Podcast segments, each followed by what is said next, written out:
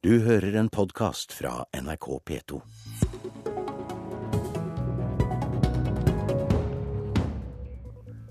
Det er en tid for alt. Det er ennå ikke tid for å rope 'morna, Jens'. Jeg velger isteden innestemme og ønsker deg velkommen til Politisk kvarter, partileder i Arbeiderpartiet, Jens Stoltenberg. Tusen hjertelig takk. I dag holder du tale til ditt landsstyre. Hva tror du partiet er mest spent på å høre om i dag? Jeg håper at de er veldig spent på hva jeg har å si om de politiske sakene. Om alt det Arbeiderpartiet vil. Enten det handler om rettferdig fordeling, det handler om kunnskap, om arbeid og mange andre ting. Men jeg leser aviser, jeg hører på radio, så jeg er helt sikker på at også en del kommer til å liksom, tenke på om det er noe jeg skal si om, uh, om Nato, de spekulasjonene som er rundt det.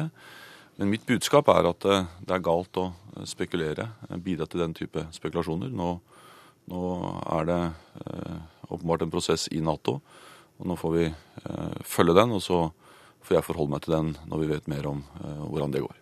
Ikke ett ord i talen om situasjonen partiet er i? Altså, Jeg kommer til å snakke mye om partiet. Ja, men det vi snakket om nettopp. Nei, altså, jeg har, Blir ikke det rart? jeg har et budskap om at uh, jeg er partileder. Jeg tar ansvaret for å lede partiet. Og så ser jeg at det er mye spekulasjoner om at uh, jeg er et navn som nevnes i forbindelse med å bli ny generalsekretær i Nato. Men jeg har siden de spekulasjonene kommet opp, sagt at det ikke vil tjene noen sak om jeg blir en del av de spekulasjonene, om jeg erklærer det ene eller det andre. Jeg kan verken bekrefte eller avkrefte. Og så får Nato nå håndtere sin prosess. Der er det noen som jobber for at det skal bli en veldig rask avklaring. Andre mener at det bør ta lengre tid. Og så får vi, jeg og vi forholde oss til det. Så får vi vurdere hvordan vi skal håndtere det etter hvert som denne prosessen skrider fram. Men Arne Strand sier at du må fortelle partiet ditt om dette i dag, om du er kandidat eller ikke? Arne Strand er en klok mann, og jeg leser og lytter ofte til han. Men det er ikke, hvis han har sagt eller mener at jeg, jeg, jeg må på talerstolen erklære et kandidatur ved å erklære at jeg skal trekke meg, så uh, mener jeg ingen er tjent med det.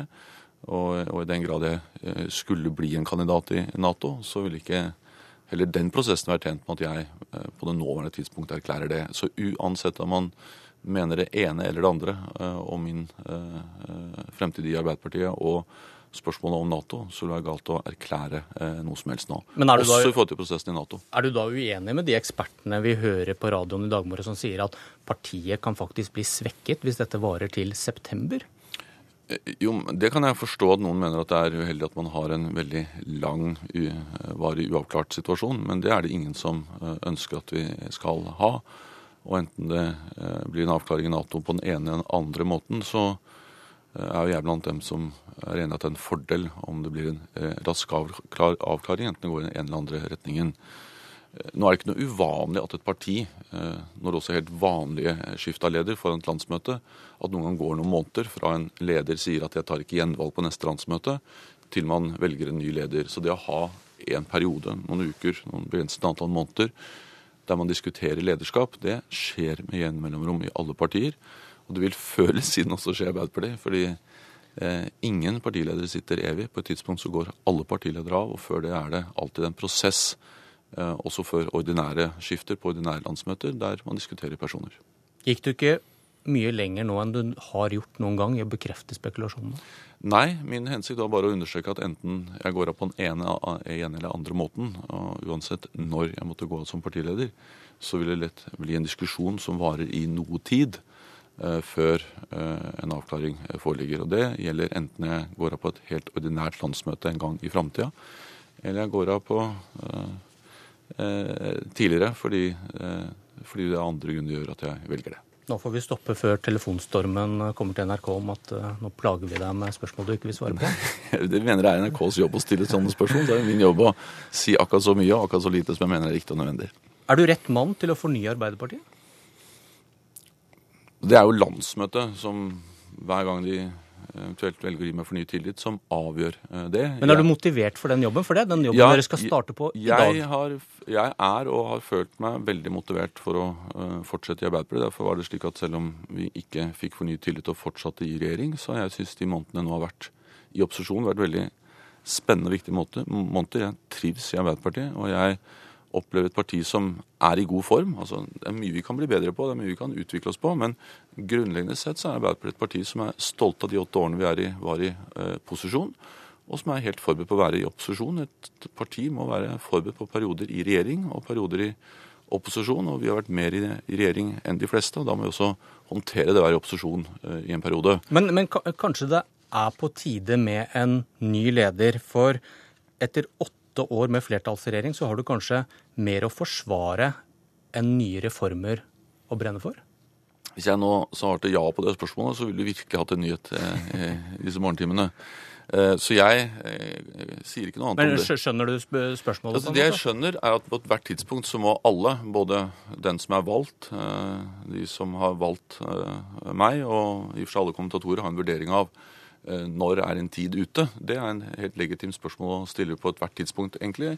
Eh, min vurdering har vært at jeg har hatt mye å gi til Arbeiderpartiet. Partiet Arbeiderpartiet har gitt meg eh, mye gjennom mange år. Jeg har vært også veldig motivert i månedene etter valget.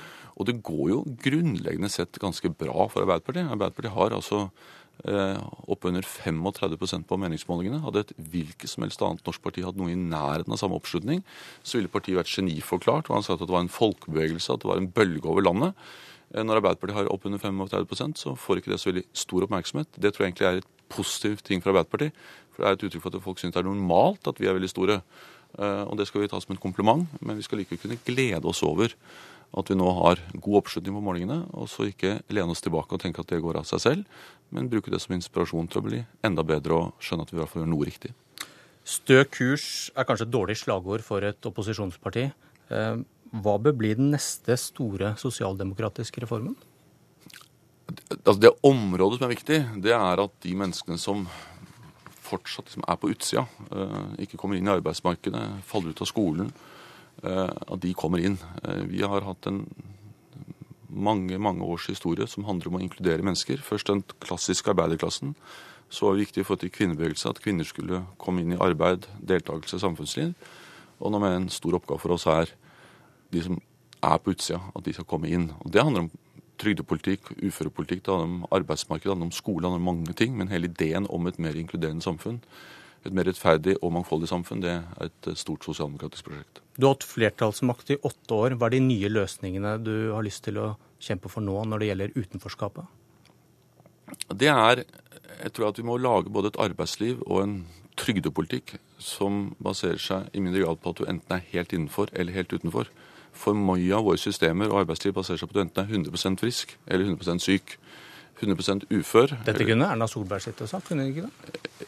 Altså, Gradering av sykemeldinger og uføregrad. Men det avgjørende er jo ikke nødvendigvis hvor stor politisk uenighet det er om en sak. Det avgjørende er at det er et stort og viktig sosialdemokratisk prosjekt eh, å lage et samfunn der vi eh, har et arbeidsliv som er mer inkluderende. Og jeg er glad for at det er enighet om mye, men jeg mener at de tankene de har i forhold til privatisering av skolen, vil ta oss i gal retning i forhold til å uh, skape mindre forskjeller, inkludere mer. Jeg mener at mye som ny nye regjeringen snakker om når det gjelder arbeidsliv, også lett vil skape et arbeidsliv der det blir uh, mer utstøting, uh, mindre trygghet for arbeidstakerne. Så det er bra at det er enighet om mye, men det er også områder der vi ser det er uenighet, også i forhold til dette området her. Til det du har sagt er den viktigste saken, Partisekretær Raymond Johansen ble i går sitert på når det gjelder klima, at vi må være langt mer fremoverlente enn det vi har vært. Det er også noe å si etter åtte år i flertallsregjering? Men det er noe grunnleggende her som handler om at vi har sittet i åtte år. Vi eh, har gjort veldig mye på de åtte årene. Men det er jo ikke slik at vi når vi nå ønsker å gjøre mer, eh, at, eh, at det er et uttrykk for at vi liksom hva skal vi si, ikke var opptatt av saken mens vi var i regjering. Det er jo ikke slik at Hvis vi hadde vunnet valget, så hadde det ikke skjedd noen ting fra i fjor høst og fram til i dag. det kan jo virke som en taktisk vurdering at dere har sett noen bakgrunnstall at velgerne var misfornøyd med klimapolitikken, og nå er dere plutselig veldig opptatt av klima. Altså Det at Arbeiderpartiet er plutselig opptatt av klima, er en litt underlig utsagn i den forstand at det, det, første landet som opprettet et miljøverndepartement, var eh, Arbeiderpartiet og Trygve Bratteli i 1973. Da var vi verdens første miljøvernminister, kom i Norge som initiativ fra Arbeiderpartiet. Vi hadde Gro Harlem Brundtland som ledet Brundtland-kommisjonen på 80-tallet, som la grunnlaget for den klimaarbeidet som skjer i dag med de eh, store forhandlingene. Slik at eh, Man kan gjerne være uenig med Arbeiderpartiet i vår klimapolitikk, og den kan diskuteres og forbedres, og vi skal hele tiden fornye oss. Men å si at det er noe nytt at Arbeiderpartiet er opptatt av klima Jeg har vært opptatt av klima hele mitt politiske liv. Og de som har vært foran meg i Arbeiderpartiet, har vært opptatt av det og var eh, banebrytende på det området. Så klima er en viktig sak for verden, eh, men også for Arbeiderpartiet. Dere, dere vil elektrifisere hele Utsira nå, men det var ikke så farlig med dette skarvfeltet når dere satt i regjering?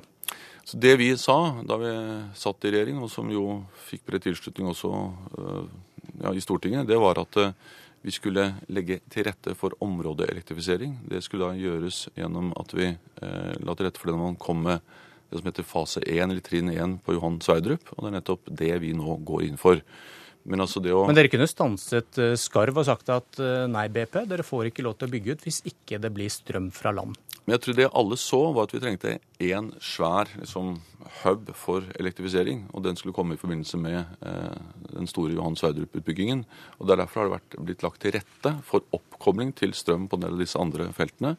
Men utbyggingen av den liksom, store strømtilførselen skulle komme i forbindelse med Johan eh, eh Sverdrup. Så vil jeg si følgende. Det er at vi ser faktisk at det skjer en del på elektrifisering.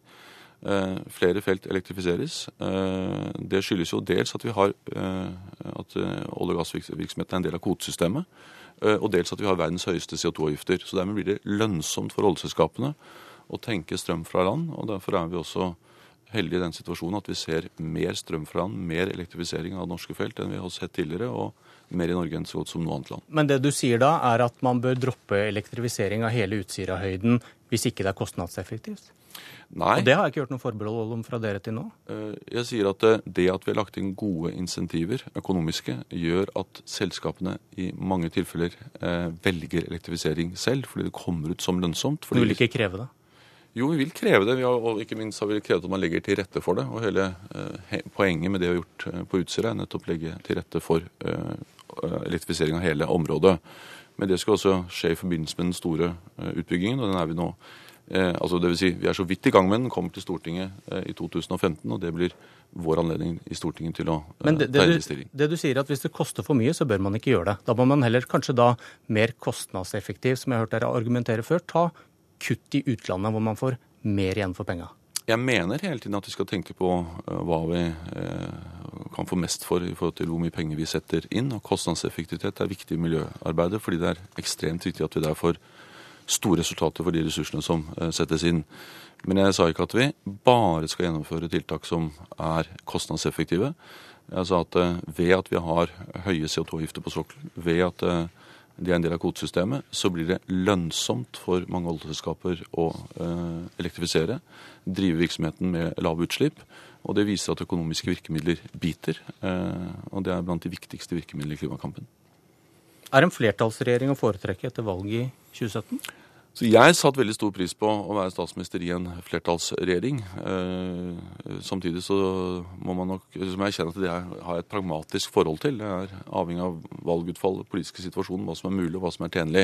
Du priset flertallsregjeringen veldig varmt i sin tid, at det var det eneste saliggjørende? Jeg, jeg, mener at vi hadde noen år hvor mindretallsregjeringer slet, hvor det, de mistet mye av den autoriteten eh, som jeg mener en regjering skal ha, fordi det ble for mye Eh, endringer eh, i Stortinget. Det var for uklare parlamentariske grunnlag.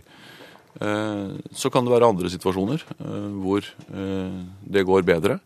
Og det er veldig stor forskjell også på ulike typer mindretallsregjeringer. Altså Einar Gerhardsens regjering fra 1961 til 1965 var en mindretallsregjering. Men det var en veldig sterk mindretallsregjering. Og så har vi eksempler i nyere politisk historie på en svake mindretallsregjeringer. Så det avgjørende er å ha sterke regjeringer. Er det litt rart for deg å sitte her og snakke om Arbeiderpartiets framtid i dag? Litt? Nei, det er ikke rart, men jeg, jeg, registrerer jo at det er spekulasjoner. Men det viktigste jeg kan gjøre i forhold til dem, er å ikke bidra til dem. Uh, ta ansvar for å lede Arbeiderpartiet. Uh, Arbeiderpartiet er et stort parti, parti. Vi er ikke avhengig av bare meg, vi er mange mennesker. Og jeg syns det er veldig fint å være en del av det fellesskapet. Politisk kvarter går mot slutten, og da har jeg vel dekning for å si morna, Jens. Men mon tro, kanskje vi ses igjen. Politisk kvarter var ved Bjørn Myklebust. Du har hørt en podkast fra NRK P2.